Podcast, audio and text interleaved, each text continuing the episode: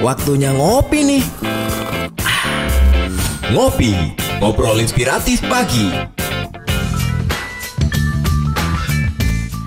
103,8 Prima Radio Surabaya Musik enak seharian. Halo, apa kabar sahabat Prima? Jumpa lagi bersama saya Ira Nathanael di Ngopi Ngobrol Inspiratif Pagi. Dan kayaknya hari ini saya nggak lengkap deh kalau cuman menyapa sahabat Prima aja. Apa kabar untuk rekan Raw FM yang ada di Raw FM Padang Sidempuan Sumatera Utara? Kemudian juga ada sahabat Tri yang ada di Tri FM Kota Pinang Labuan Batu dan juga pendengar si radio yang sekarang ini sudah jam 10 pagi untuk Anda yang mendengarkan relay ya via si radio Maros Sulawesi Selatan Makassar dan hari ini kita bakalan ngobrol topik ya kita tentang kesehatan nih karena narasumber kita dari RSIA Kendang Sari Rumah Sakit Ibu dan Anak Kendang Sari Surabaya ada Dr. Indri Nur Hidayati halo Dr. Indri Ya, selamat pagi Mbak Ira. Selamat pagi semangat dan cantik dengan warna pastelnya Terima kasih. Dokter Indri hari ini kita membahas tentang kenali tanda-tanda persalinan. Iya. Wah kalau ngomongin persalinan itu bisa dibilang eh, menjelang persalinan itu eh, ada rasa senang, bahagia, khawatir, deg-deg-dug, Deg-degan. deg-degan, bingung, takut salah, takut ngapa pokoknya gitu ya dokter ya. Bercampur aduk ya. Iya. Nah, ini kita pagi hari ini membahas tentang kenali tanda-tanda persalinan. Ini juga untuk eh, pengantin-pengantin baru mungkin ya, atau eh, yang mau prepare mau persiapan pernikahan begitu ya, Dokter Indri ya. Nah, dokter mungkin eh, dijelaskan dulu nih, dokter, eh, apa sih eh, definisi persalinan sendiri itu apa? Iya, terima kasih Mbak Ira. eh jadi ini terutama biasanya untuk yang sebelumnya belum pernah mengalami Nah, persalinan iya. mungkin ya. Kalau misalnya udah pernah mengalami persalinan, udah istilahnya udah tahulah tanda-tandanya. Tapi tapi untuk mereka eh, saya punya teman dokter untuk Mm-mm. anak kedua pun juga kadang Masih deg-degan. masih deg-degan. Rasa khawatir dan cemasnya tetap ada meskipun sudah punya pengalaman yang lalu ya dokter ya. Iya, mungkin kan Mm. sensasinya juga beda-beda. Mm-mm, Iya. Jadi eh, defi- definisi sendiri dari persalinan adalah proses fisiologis. Fisiologis itu normal pada umumnya di mana uterus atau kita biasanya nyebut rahim Mm-mm. mengeluarkan atau berupaya mengeluarkan janin dan plasenta setelah kehamilan lebih dari 20 minggu atau lebih dari eh, normalnya itu di atas 37 minggu baiknya. Hmm. Tapi eh ini untuk persalinan yang memang persalinan normal di dalam rahim. Jadi kan persalinan itu macam-macam Mbak Ira. Ya. Jadi ada yang persalinan di dalam rahim, ada yang persalinan di luar rahim. Ini untuk persalinan yang benar-benar persalinan dari eh, da- di dalam rahim. Jadi setelah kehamilan 20 minggu atau pada Mm-mm. normalnya baiknya di atas 7 minggu, Mm-mm. 77 minggu itu eh, melalui jalan lahir tanpa dan bantuan dengan eh, dengan dan tanpa bantuan seperti Jadi itu. secara normal begitu Iya, ya, dokter tidak ada uh. bantuan dari luar begitu ya. Oke. Oke, batasannya 20 minggu paling minim ya, dokter ya. Iya, kalau misalnya di bawah 20 minggu itu istilahnya eh, masih abortus atau keguguran. Oke, oke. Nah, eh, kalau untuk yang bayi mau lahir prematur apakah itu di bawah 20 minggu termasuk nggak ya, dokter? Eh, prematur itu di bawah 37 minggu Oh. tapi di atas 20 minggu. Kalau misalnya di masih di dua- di bawah 20 minggu itu masih berapa ratus Gitu ini ya. berat badan terlalu berat badan bayinya terlalu sangat amat rendah. Oke, Gitu. berarti 20 minggu sampai 37 minggu ya, dokter ya. Iya. Nah, heeh. tadi eh, dokter bilang bahwa persalinan itu juga ada banyak jenisnya ya. Sebenarnya jenis persalinan kalau dilihat dari usia kehamilan itu eh, jenis-jenisnya apa aja sih, dokter Indri? Jadi kalau persalinan normal itu ada tiga preterm, Mm-mm. aterm atau posterm. Preterm itu atau kita biasa Sebelum, menyebutnya pre, pre. eh, apa namanya prematur. Oh, Heeh. yang Jadi bilang ya. usianya di bawah 37 minggu. Mm-mm. Tapi pada prematur itu biasanya kita eh, diusahakan di atas enam minggu. Kenapa di atas 6 3 6 minggu? Karena paru-paru itu udah matang atau dia tuh udah siap bernafas dengan oksigen di atas 3 6 minggu. Berarti seperti kalau orang awam ya, saya Mm-mm, ngomongnya mm-mm. berarti lebih baik eh, bulannya ganjil daripada genap begitu kan, dokter? Atau bisa diluruskan kalau misalkan karena oh mendingan prematur 7 bulan daripada 8 bulan karena katanya kondisi janin belum matang ketika apa bulan genap. Apakah betul seperti itu dokter Indri? Oh, enggak sih. Enggak ya? Jadi kalau misalnya ini sebaiknya di atas 36 minggu karena paru-paru itu udah matang di Hmm. usia di atas 36 minggu. Ken- eh, kalau misalnya dia belum 36 minggu kenapa kita ada tambahan terapi? Biasanya Hmm. itu suntikan, suntikan untuk pematangan paru. Jadi Mm-mm. dia normalnya kan 36 minggu Ya. baru matang. Tapi misal ada eh, sesuatu akhirnya dia sebelum 36 minggu dia ada tanda-tanda Mm. persalinan Mm-mm. atau eh, istilahnya sudah harus dilahirkan biasanya kita melakukan suntikan pematangan paru jadi meskipun kurang dari 36 minggu setidaknya janinnya atau bayinya nanti lahir sudah siap, bernafas dengan bernafas. oksigen karena paru-parunya tadi udah disiapkan sudah gitu matang, udah matang ya. Preterm. Terus kalau apa dok? Aterem. aterem itu sudah cukup bulan, 37 sampai 42 minggu. Tapi memang diusahakan paling bagus itu eh, sebelum biasanya kalau misalnya udah 40 minggu itu kan sudah 10 bulan ya. Iya. Itu kita sudah harus lebih aware lagi. Kalau misalnya kadang-kadang persalinan eh, istilahnya kehamilan udah 40 minggu atau Mm-mm. sudah 10 10 bulan, bulan, tapi nggak ada ada, kayak tanda-tanda persalinan persalinan. kayak nggak ada kenceng-kenceng Heeh. atau apa itu harus dilihat kondisi plasentanya janinnya jadi Hmm. kalau misalnya memang harus sudah keluar tapi belum ada tanda tanda persalinan biasanya dirangsang istilahnya Hmm. atau diinduksi jadi dibantu apa namanya ditambahin obat supaya kontraksinya mem- memacu untuk adanya kontraksi dari uterus itu sendiri. Berarti yang paling baik itu ya kondisi aterem ini ya ya dokter. ah, paling bagus Paling ya bagus. aterem sudah siap semua. Sudah siap semua ya. Lalu tadi posterem berarti yang terlambat banget ini dokter. Iya, itu istilahnya posterem atau postdate udah Heeh. lewat dari tanggal lahirnya, eh tanggal HPL-nya atau perkiraan lahirnya. Heeh, heeh. Jadi kalau perkiraan lahir itu misalnya ditanyai biasanya di rumah sakit Ya. HPL-nya kapan? Kapan, ya. Heeh. Heeh. Hari perkiraan lahirnya itu kapan? Itu 40 minggu. Oh gitu. Ah, ah, jadi 40 minggu dari usia, usia kehamilannya. kehamilan berarti nggak dihitung 37 minggu ya sebenarnya sama dokternya ah, ah. ya. HPL itu tiga, eh, sudah 40 minggu. Biasanya kalau misalnya sudah HPL ngelewati HPL kita harus sudah aware hati-hati itu udah tadi. aware. Oh. Ya ya ya, pantas kalau orang-orang bilang kalau HPL-nya misalkan segini kan lebih bagus sebelum HPL sudah lahir Ya, begitu ya dokter oke, ya. Oke. Nah, itu tadi jenis persalinan berdasarkan usia kehamilan. Kalau berdasarkan caranya ini ada juga ya dokter ya jenis-jenis Iya, persalinan yang heeh. ada ya. Jadi kalau misalnya berdasarkan caranya, yang Mm-mm. pertama spontan, spontan itu ya eh, atau persalinan normal. Jadi Mm-mm. tanpa bantuan sesuai dengan usia kehamilan kehamilan Yang aterem tadi. tadi. Heeh. heeh. Jadi dia tanpa bantuan apa pun dia sudah apa namanya sudah bisa lahir secara normal Mm-mm. seperti itu.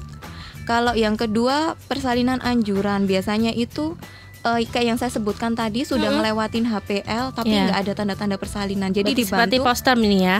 eh, kadang-kadang 40 tapi sudah lewat HPL pun juga Oh. ini. Takutnya kan kalau misalnya eh, nggak dikeluarkan nanti eh, ini plasenta padahal kan adiknya itu Mm-mm. dapat makanan dari ibunya lewat plasenta. Mm-mm. Lah kalau kehamilan udah semakin lebih tua, tua, heeh. nanti efeknya itu plasentanya udah mengapur. Jadi Oh gitu. nggak maksimal. Jadi makanan dari Ibu nggak tersalurkan. Adik eh, eh, nggak maksimal. Oh iya iya iya. Padahal adik kan nggak dapat makanan selain dari ibu Plasenta itu dari tadi. ibu ya. Mm. Berarti kalau persalinan anjuran itu dengan bantuan apa nih dokter biasanya? Biasanya induksi, induksi itu Hmm. macam-macam bisa lewat infusan, bisa lewat obat minum, bisa Hmm. lewat dimasukkan, Dimasukkan ke- atau lewat anus seperti Oke itu. oke. Ada lagi yang kalau misalnya apa namanya eh, tahap terakhir atau eh, istilahnya nggak ada nggak ada solusi lain paling terakhir biasanya dilakukan Operasi? operasi Oke. atau Apa ini namanya? SC. Oh sesar ya, Mm-mm. operasi sesar. Sebenarnya ada lagi ekstraksi tapi sudah jarang banget dilakukan. Soalnya resikonya juga tinggi seperti ekstraksi itu seperti apa dokter Indri? Jadi pakai vakum atau forceps. Jadi kayak ditarik pakai Oh itu alat lebih gitu. rawan ya? Iya, jarang Oke. banget. Jangan Sekarang mengerti. udah jarang banget dilakukan kayak gitu. lebih aman sesar karena ya. Eh, eh, kalau misalnya eh istilahnya kan udah tahap terakhir sudah nggak ada pilihan Cara biasanya, lagi. mm-mm. mm-mm. Soalnya kenapa kita meminimalisir kema- angka kematian ibu Iya. dan anak. Jadi Iya. lebih baik eh, istilahnya lewat jalan terakhir itu daripada memaksakan Ya. istilahnya kayak gitu. Baik dokter ini nanti kita akan balik lagi ya dok di segmen kedua Sahabat Prima, rekan Ro FM, sahabat Tri dan pendengar si Radio Maras Jangan ke mana-mana untuk anda yang ingin bertanya Silakan via WhatsApp di 0811 30 10 38 Atau line telepon di 7388500 Tetap di Ngopi Ngobrol Inspiratif Pagi Waktunya ngopi nih. Ngopi, ngobrol inspiratif pagi. Masih di Ngopi, ngobrol inspiratif pagi sahabat Prima, rekan Ro FM, sahabat Tri dan pendengar si radio. Kita masih bersama Dr. Indri Nur Hidayati dari RSI Akendang Sari Surabaya. Tadi udah dijelaskan jenis-jenis persalinan ya dokter ya. Dari eh, jenis persalinan dilihat dari usia kehamilan, kemudian berdasarkan caranya tadi ada yang spontan, ada yang dengan anjuran atau biasanya dengan induksi itu Eh, terus dengan tindakan dokter saya pernah punya pengalaman ini. Biasanya kan kalau eh, persalinan spontan biasanya sebelum persalinan itu spontan biasanya kan juga diberi bantuan induksi juga kan dokter? Seperti dimasukkan apa tadi dokter? Kak eh, Obatnya obat gitu. ya Mm-mm. berarti itu termasuk apa? Eh, perpaduan gitu begitu Eh, jadi kalau misalnya yang benar-benar spontan itu tanpa bantuan apa-apa. Hmm. Kalau misalnya dia bisa juga sama aja eh, normal tapi normal dengan induksi istilahnya Mm-mm. kayak gitu. Kalau misalnya dibantu eh, apa namanya tambahan obat untuk Iya. kontraksi. Tapi Heeh. kalau misalnya yang benar-benar spontan dia memang alami. Jadi kontraksinya memang dari ibunya sendiri Oh, kayak gitu oke. tanpa bantuan apa-apa. Berarti saat dokter memberikan obat tadi berarti memang sudah dilihat karena mungkin memang kontraksinya tidak akan berjalan spontan makanya diberikan obat itu biasanya ya untuk bantuan induksi tadi ya dokter ya. Iya, heeh. Oke. Nah, untuk tahap persalinan sendiri nih eh, tahap-tahapnya ada apa aja nih dokter Indri? Jadi tahap persalinan itu ada ber- eh, ada empat kala. Mm-mm. Jadi biasanya yang kita jelaskan itu yang kala pertama atau istilahnya orang tuh ada pembukaan, pembukaannya udah Iya, iya, berapa iya, iya. seperti itu ya. Jadi itu masih fase kala satu. Jadi kala itu ada 1 sampai 4. Yang Mm-mm. kala satu itu pembukaan 1 sampai 10 itu di, Oh. dijadiin dua fase. Jadi terbagi dari dua fase. Yang pertama itu fase laten. Jadi fase laten itu pembukaan 1 sampai 3. Mm-mm. Itu eh, waktunya biasanya cenderung lebih lama daripada fase aktif.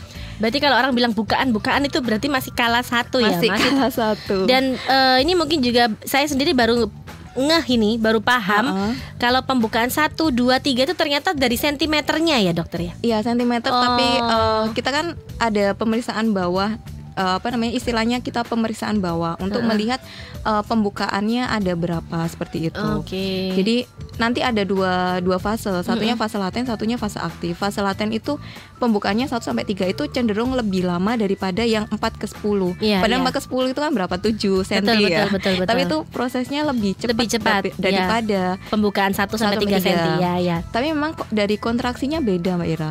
Itu Jadi- kenapa dokter seperti itu? Jadi kalau misalnya Heeh. udah masuk fase aktif itu biasanya kontraksinya itu lebih cenderung lebih kuat. kuat Jadi ya. lebih sering. dan lebih sering ya. Mm-mm. Iya, betul, betul. hampir per kalau misalnya dikatakan sering itu bisa per lima menit itu Udah sudah kontraksi, termasuk udah, oh, oh. oke, oke. biasanya udah masuk fase aktif. Mm-mm. Tapi nggak semua orang itu pada fase laten udah apa namanya udah ngerasain kontraksi. Hmm. Jadi kadang-kadang ada juga yang udah ngerasain kontraksi tapi belum adekuat atau belum yang kuat banget. Jadi masih kerasa jarang-jarang tapi ternyata pembukaannya udah udah banyak. banyak. Jadi Mm-mm. tiap orang itu proses persalinannya nggak bisa disamaratakan. Bahkan Mm. dengan individu yang sama, ini berdasarkan pengalaman Mm, mm, mm, mm. ibu-ibu kalau cerita dengan individu yang sama, saya anak pertama sama anak kedua beda loh cara apa Iya, caranya dan pengalamannya memang begitu ya dokter. Iya, ya? heeh. tapi memang nggak jauh beda rata-rata kayak gitu. Mm, mm, mm, mm, mm. Lalu apalagi dok fase-fasenya? Yang yang itu kala ka- tadi kala ah, dua ya, kala Heeh. dua itu eh, jadi ketika nanti sudah pembukaan, Pembukaan, lengkap itu heeh. dikatakan lengkap udah 10 cm lah istilahnya Mm-mm. kalau jadiin senti. mm-mm. Nanti proses pengeluaran janinnya itu kala dua. Jadi Hmm. pas adiknya lahir. Jadi kalau misalnya Mbak Ira mau lihat proses persalinan itu eh, unik banget loh Masya Allah. Jadi itu dia tuh bisa kayak muter sendiri gitu loh. Jadi kepalanya itu bisa Aduh saya posisinya saya waktu ngelahirin cuma ngerasakan sakit dok. Saya nggak memperhatikan itu posisi kepala anak saya. jadi itu Iya. ke, apa namanya tuh kan letak kepala ya. Ini kan di kita- bawah. eh, Letak kepala kan di bawah. eh, letak eh. kepala. Beda lagi sama letak dahi ya. Kalau letak dahi itu nggak normal. Ini kita ngomongin letak kepala, Kepala. belakang. Jadi itu nanti dia keluar kepalanya keluar dikit itu nanti dia ada puteran untuk Heeh. agak nyamping biar bahunya ini bisa Oh gitu. keluar, Itu kayak otomatis gitu. atau dokter yang membantu? Otomatis. Diba- nanti secara otomatis dia bisa, tapi biasanya kita terutama kalau bayi-bayi apa namanya besar kayak gitu itu terutama kayak gitu dibantu sama penolongnya juga sama Oh, dokternya. Oke oke oke. Terus nanti kalau sudah keluar janinnya itu kan kala dua ya. Iya. Nanti keluar plasentanya. keluar Hmm, plasentanya. Itu lega banget itu. Itu udah masuk kala tiga kalau sudah Ini masuk sambil kala- curhat nih maksud. curhatan ya curcol ya. Iya iya iya. Terus habis itu Hmm. nanti kalau udah keluar plasentanya, kita kan nanti observasi kayak pendarahan. Terus habis Hmm. itu apa namanya kekerasan dari rahimnya. Kan rahim kan Kenapa dokter? Iya, kenapa dokter? itu masuk kala 4 ya. Heeh. Jadi kan rahim eh, selama hamil itu kan istilahnya membesar. Iya. Nah, ketika Heeh. nanti dia sudah melahirkan, harusnya secara eh, otomatis dia kan akan mengecil. Mengecil. Nanti kalau diraba dari luar itu kayak kerasa keras kayak gitu Mbak Ira. Hmm. Lah itu masuk eh, apa namanya selain untuk ngelihat kekerasan dari uterusnya atau rahimnya, Hmm. eh, ngelihat eh, ini perdarahannya setelah persalinan itu Mm-mm. normal apa enggak. Jadi kalau misalnya nggak normal kan ada juga yang eh, istilahnya itu HPP atau hemorrhagic postpartum. Jadi eh, perdarahannya itu di luar apa namanya itu eh, istilahnya lebih banyak daripada normalnya. Itu faktor apa dokter? Bawaan banyak atau apa? faktor. Banyak faktor bisa ya? jadi eh, dari eh, rahimnya sendiri bisa juga dari proses persalinannya juga bisa. Atau ada gitu. luka ketika persalinan? Enggak. eh bukan in- ini banyak faktor sih HPP itu. Mm-mm. Nanti kalau inian itu banyak lagi. Oh, nanti kita bahas Nanti itu masuk penyakit. Oh, begitu begitu Ini. ya. Oke, nanti kita bahas Uh-uh. mungkin uh, next episode ya. Iya, Oke, oke. itu. Oh, berarti Kita ketika ngomongnya normal-normal Iya, aja, iya. yang seneng-seneng aja Mbak Ira. Jadi ketika kala satu tadi pembukaan 1 sampai 3 fase laten, terus fase aktifnya pem- eh, pembukaan 4 sampai 10 cm, lalu ketika janin itu dikeluarkan itu masuk kala 2. Kemudian ketika ngeluarin plasenta atau bahasa orang awam tuh ari-ari Iya, begitu benar, ya. ari-ari. Itu like katanya orang Jawa kan dulure katanya. Dulu saudaranya itu kala tiga lalu kala empat itu eh, Observasinya. obs- obs- observasi Mm-mm. Oke. dua jam biasanya dua jam setelah eh, kala tiga setelah keluar apa namanya itu plasentanya atau ari-arinya. oh begitu ya ya nah dokter sebenarnya dalam persalinan ini faktor apa sih yang paling penting dokter untuk diperhatikan Jadi eh, ada tiga faktor. Pertama Mm-mm. passengernya atau penumpangnya, istilahnya janin Mm-mm. itu kan numpang di ibunya. Pertama Mm-mm. itu. Mm-mm. Terus yang kedua itu patchway-nya atau jalan lahirnya, panggul ibunya. Biasanya itu eh, panggul sempit nggak selalu sih, tapi rata-rata panggul sempit itu pada ibu-ibu yang tinggi badannya kurang dari 150 cm. dan apa betul biasanya orang bilang oh aduh panggulmu ini besar berarti nanti kalau ngelahirin tuh enak itu ngaruh tah emang dokter apa memang Ya berpengaruh kan salah satu faktornya. Begitu Kalau- ya. Kan tapi kita Salah juga lihat faktor, Faktor lain lainnya, oke. Heeh. Terus yang ketiga powers. Power eh, apa kekuatannya. Sang Jadi ibu. kontraksi eh, Hmm. kontraksi dari uterusnya. Mm-mm. Jadi kan eh, istilahnya skala nyeri tiap orang tuh beda-beda. Iya iya Ada yang eh, ambang batas ambang rasa sakit ya heeh. Mm-mm. Jadi kalau Mm-mm. misalnya ada yang eh, waktu diperiksa ibunya nyeri banget, ternyata waktu diraba perutnya nggak yang kaku-kaku, ternyata waktu direkam pakai Mm-mm. NST atau yang alat itu ternyata nggak ada kontraksi sama sekali, tapi ibunya udah kesakitan banget Iya, iya, kayak gitu. iya. Tapi ada juga yang sudah di apa namanya perutnya tuh kaku, tapi ibunya masih diajak ngobrol, Mm-mm, mm-mm. masih enak-enak aja. Mm-mm. Tapi wa- eh, waktu direkam ternyata eh, kontraksinya sudah kuat. Sudah kuat. Jadi tiap orang nggak bisa Nggak bisa sama ya. Nah, tapi kekuatan itu juga salah satu faktor istilahnya itu dia bisa persalinan normal atau enggak kayak gitu. Mm-mm. Saya dulu eh, kelihatannya anaknya ma- anak mama banget begini tapi waktu persalinan kuat teman saya pada heran nih kamu bisa ya kuat lah sedangkan teman saya yang biasa ngangkat galon apa malah sakitnya setengah mati gitu jadi memang ah, nggak bisa disamakan ya dokter ya Oh, nggak bisa disamakan. Oke, ambang apa tadi ambang nyeri Ambang masing-masing kan beda-beda. Masing-masing dan tidak bisa kelihatan juga secara kasat mata secara fisik kok kalau orangnya gede itu pasti kuat, yang kurus apa pasti bisa nggak bisa nahan sakit ya belum tentu ya dokter Iya, ya. bisa. Oke, nah terus kalau tadi kita udah tahu faktor pentingnya ada janin ya. Mm-mm. Terus eh, jalan lahir sama kekuatan atau kontraksi. Lah biasanya yang menyulitkan persalinan kalau dari sisi janinnya ini apa ini dokter? Jadi kalau misalnya dari sisi janinnya sendiri itu Mm-mm. eh, paling utama distres janin. Jadi distres Mm-mm. janin. Jadi kan nilai normal atau eh, denyut jantung janin Ya. Eh, 120 sampai 160. Ada nilai ambangnya atau istilahnya masih eh, nilai toleransi kalau bawahnya itu 100 sampai 120. Kalau atas 160 sampai 180. Tapi ketika eh, distress itu bisa lebih rendah daripada itu atau lebih, Lebih tinggi, tinggi. daripada itu. Oke. Jadi istilahnya adiknya di dalam kandungan itu nggak nyaman. Meskipun mamanya santai-santai aja Santai-santai belum aja. tentu Iya. belum tentu adiknya eh, apa namanya Santai-santai aja, di heeh. dalam ya oke Jadi kalau misalnya ada eh, apa namanya kayak misalnya aktif ya, biasanya tendangannya udah Mm-mm. kuat, itu kok melemah atau mulai jarang, Mm-mm. mendingan diperiksakan aja. Mm. Soalnya kadang-kadang mamanya nggak ada apa-apa, tapi ternyata kondisi denyut jantung adiknya waktu diperiksa ternyata makin ada apa-apa Ya. kayak gitu. oke Terus bisa juga makrosimia, itu makrosomia atau Apa eh, Dok? terlalu besar Eh, ukuran, ukuran bayinya, bayinya. heeh. oke Normalnya kan bagusnya dua setengah sampai tiga setengah. Mm-mm. Tapi pernah juga saya tuh lahir itu berat badannya tuh 5 kilo. Sungguh, Gendong Dok. aja baru Astaga. baru lahir aja aduh udah apa namanya tapi nggak masalah ya aman ya eh, atau harus operasi waktu itu normal sih waktu itu normal. normal ya Biasanya itu janin besar itu pada ibu-ibu dengan kondisi DM atau diabetes mellitus atau kencing manis.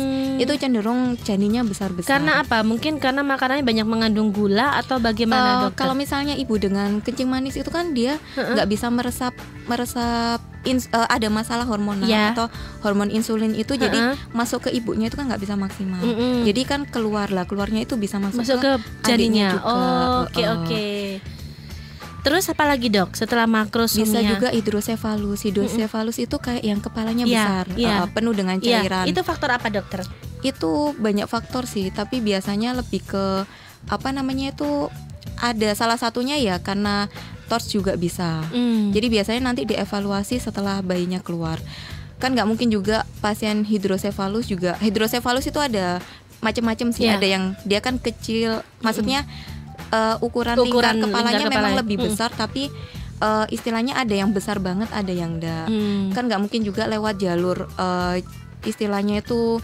jalan lahirnya kepalanya nggak sesuai nggak proporsional Mm-mm. Makanya biasanya kalau misalnya hidrosefalus dilahirkan secara Sesar, oke. kan istilahnya ada kelainan kayak gitu iya iya selanjutnya bisa juga kehamilan kembar Mm. kembar dua kembar tiga seperti itu Mm-mm. kalau misalnya kembar itu kan eh, memang bisa yang satu posisinya kepala tapi kan nggak mungkin yang satunya kepala juga Mm-mm. Eh, jadinya pernah juga ini apa namanya Mbak Ira waktu itu oh ini tan- nanti tadi nakut nakutin tidak apa-apa ya.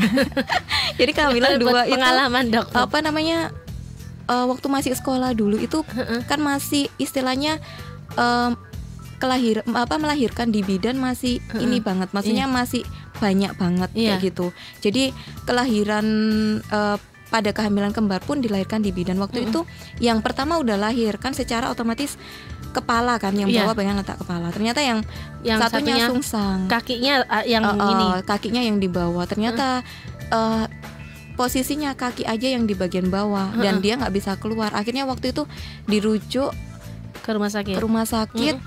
Kakinya itu udah kelihatan di bawah tapi nggak bisa lahir gitu. Akhirnya nggak bisa selamat juga kan jarak apa namanya itu ke, ke rumah sakit lumayan. waktu itu lumayan jauh kayak Oh, gitu. oke oke. Makanya kenapa sekarang kela- apa namanya untuk persalinan dengan kehamilan Kembar, kembar, itu dengan operasi? Lebih aman untuk janinnya lebih aman juga karena nggak mungkin me- memang tidak mungkin posisi kepalanya sama-sama di posisi yang sama ya dokter kalau kembar? Iya, udah dipastikan mungkin. ya nggak kan mungkin ya? turun ke bawah Iya, kan iya. kepalanya. Iya iya iya. Heeh, karena jadi pasti salah bisa. satu ya. Oke oke. Lalu apa lagi nih dokter bisa Nah, malpos malposisi nih seperti Malposisi sungsang tadi ya atau malpresentasi Iya. eh, bisa sungsang sungsang itu bisa sungsang pa, apa pantat sungsang kaki Mm-mm. kaki satu kaki dua Mm, mm, mm, terus eh, lintang jadi mm, mm. apa namanya posisinya itu melintang Tidur gitu ya? kepalanya eh, apa kepalanya di samping iya iya iya terus bisa juga posisi kepala tapi dahi oke Ah, jadi yang normal itu kepala belakang oke kalau oke, posisi oke. dahi juga nggak bisa Nggak bisa gitu ya. Mm-mm. Oke terus apalagi dokter yang bisa penyulit? juga IUFD IUFD, itu, IUFD apa itu tuh? eh, istilahnya dia janinnya udah mela- eh, udah meninggal di dalam kandungan kayak gitu. Hmm. Banyak faktor sih kadang juga ada yang eh, apa namanya usia 9 bulan ka- 9 bulan udah cukup bulan eh, ternyata tiba-tiba janinnya itu udah eh, istilahnya udah nggak udah nggak gerak Iya. tiba-tiba ternyata waktu dicek denyut jantungnya sudah nggak ada. ada. Makanya kalau misalnya saya sarankan kalau misalnya udah ada kayak nggak biasanya, jadi Iya. kayak apa namanya gerakannya udah mulai berkurang, udah nggak seaktif, nggak sekuat Ya, seperti biasanya biasa. tindangannya, mendingan Iya. diperiksakan aja kayak gitu. Memang pemeriksaan rutin ketika masa kehamilan itu perlu ya, dokter Mm-mm. ya. Terutama kalau 9 bulan ke atas, kalau 9 bulan ke atas biasanya harus lebih Hamil sering tua lagi. harus semakin lebih diperiksakan ya, dokter ya. Baik, dokter Indri nanti kita akan balik lagi dan sahabat Prima rekan Ro FM, sahabat Tri dan juga pendengar si Radio Maros silahkan untuk anda yang mau bertanya tentang topik kita hari ini kenali tanda-tanda persalinan bersama Dokter Indri Nur Hidayati dari RSIA Kendang Sari. Tetap di ngopi ngobrol inspiratif pagi. 103,8 Prima Radio Surabaya Musik enak seharian Kita masuk segmen terakhir nih sahabat Prima, rekan FM, sahabat Tri dan juga pendengar si Radio Maros. Tadi kita tentang penyulit persalinan dilihat dari eh, kondisi janin ya, Dokter Indri ya. Iya. Lalu kalau dari kondisi eh, jalan lahir atau panggul ibu, apa ini yang bisa menjadi penyebab kesulitannya? Kalau misalnya dari eh, jalannya Mm-mm. itu bisa karena panggulnya sempit itu tadi atau Mhm. ada tumor. Tumor itu eh, istilahnya segala benjolan yang di luar normal itu istilahnya tumor. Mm-mm. Tumor terutama tumor area-area kewanitaan ya itu kan bisa juga eh, istilahnya mempersempit jalan lahirnya kayak gitu. Oke. Lalu dari apa tadi yang terakhir tuh kekuatan kontraksi Uh, ya, powernya. Powernya. Jadi Mm-mm. powernya itu bisa pertama eh, hipertonik. Hipertonik itu jadi tonusnya atau ototnya tuh berlebihan. Mm-mm. Bisa juga hipotonik. Hipotonik itu kontraksi dari otot eh, otot dari uterusnya itu kurang kurang, malahan Oh, ya. Jadi oh, jadi berlebihan juga nggak boleh, kurang juga nggak Mm-mm. boleh ya dokter. kalau ya? misalnya berlebihan nanti takutnya itu bahayanya di ininya eh, istilahnya ada robekan dari rahimnya karena Hmm. dia yang terlalu istilahnya Kuat. itu kuat. eh.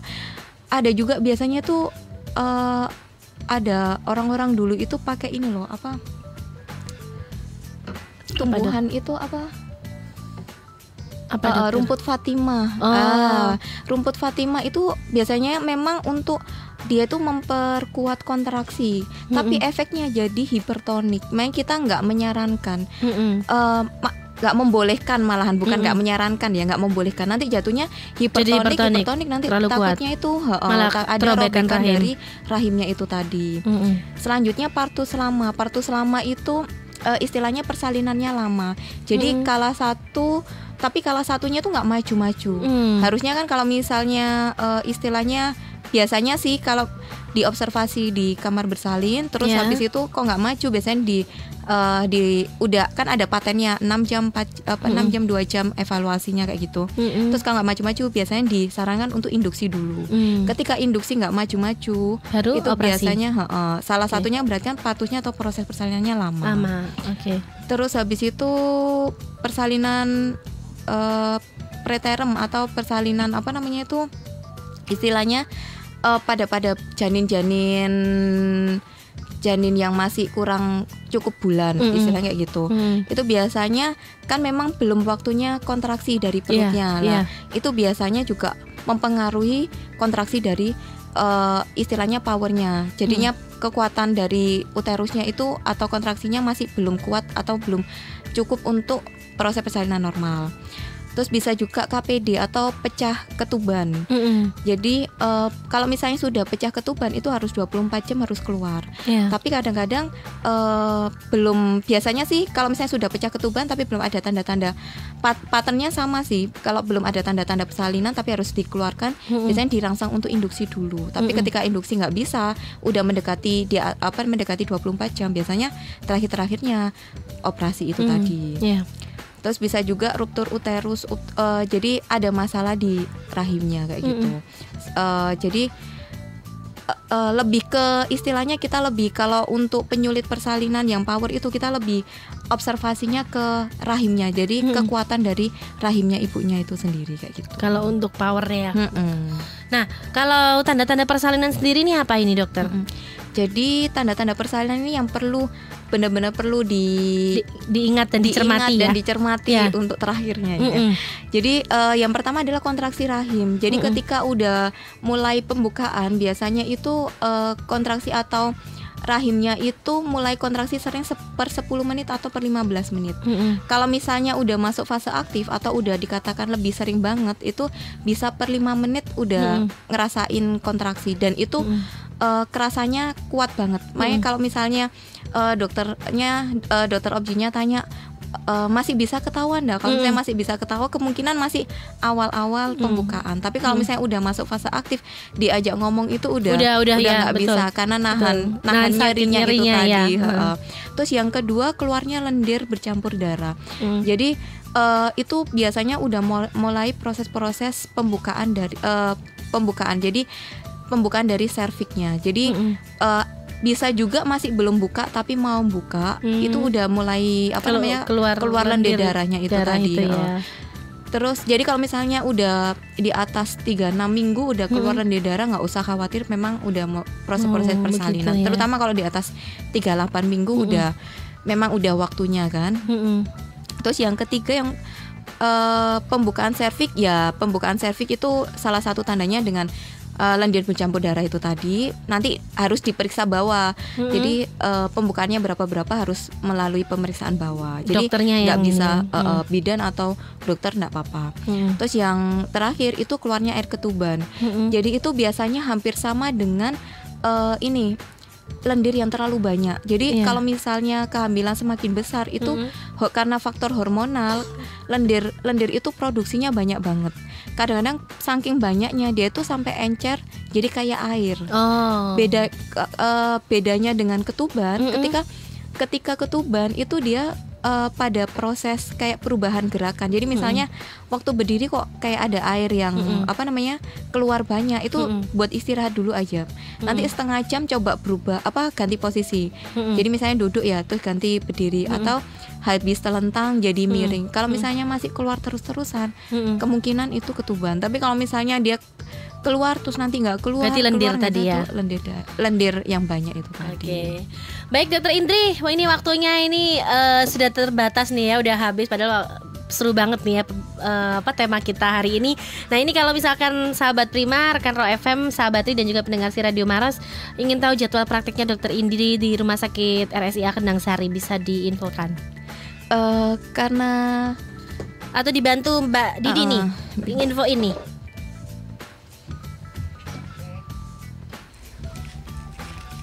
Untuk eh, jadwal nanti bisa eh, kontak ke Langsung ya, nomor kontak ke rumah sakit ya. kami Mm-mm. ya. Bisa ke nomor WA 0822 572 51113 Bisa diulang Mbak? 0822 5725 1113 Oke, bisa tanya-tanya via WA di sana Mm-mm. mengenai jadwal. Juga kita terkait dengan program kehamilan. Mm-mm. Kita punya program senam hamil nih. Mm-mm. Jadi kan tadi kita membahas tentang tanda-tanda persalinan. Nah, kalau bunda-bunda yang lagi hamil ikut eh, senam hamil kita, di sana ada banyak edukasi juga tentang kehamilan. Jadi selain ikut senam hamil, juga dapat edukasi tentang kehamilan itu sendiri. Mm. Yang mau ikut eh, senam hamil ini kita jadwalnya ada di hari Rabu, Sabtu dan Minggu setiap jam 8 pagi. Oke, ada info lain mungkin Mbak Didi yang ingin diinfokan atau mu- mungkin kalau pengen tahu tentang RSI Kendang Sari media sosialnya di mana? Oke, kalau media sosial yang belum follow bisa follow ke @rsia Kendang Sari. RSIA Kendang Sari. Instagram ya? Instagram atau kalau di Facebooknya RSIA Kendang Sari Surabaya. Baik, terima kasih Mbak Didi dan Dokter Indri. Oke, Sukses. Kita sama-sama. berjumpa di lain waktu ya. Sahabat Prima, rekan Ro FM, sahabat Tri dan juga pendengar si Radio Maros. Demikian untuk program Ngopi Ngobrol Inspiratif Pagi untuk edisi hari ini. Anda bisa simak setiap hari Senin sampai hari Jumat dari jam 9 pagi sampai jam 10 pagi. Ira pamit tetap di 103,8 Prima Radio Surabaya. Musik enak seharian. 103,8 Prima Radio Musik enak seharian.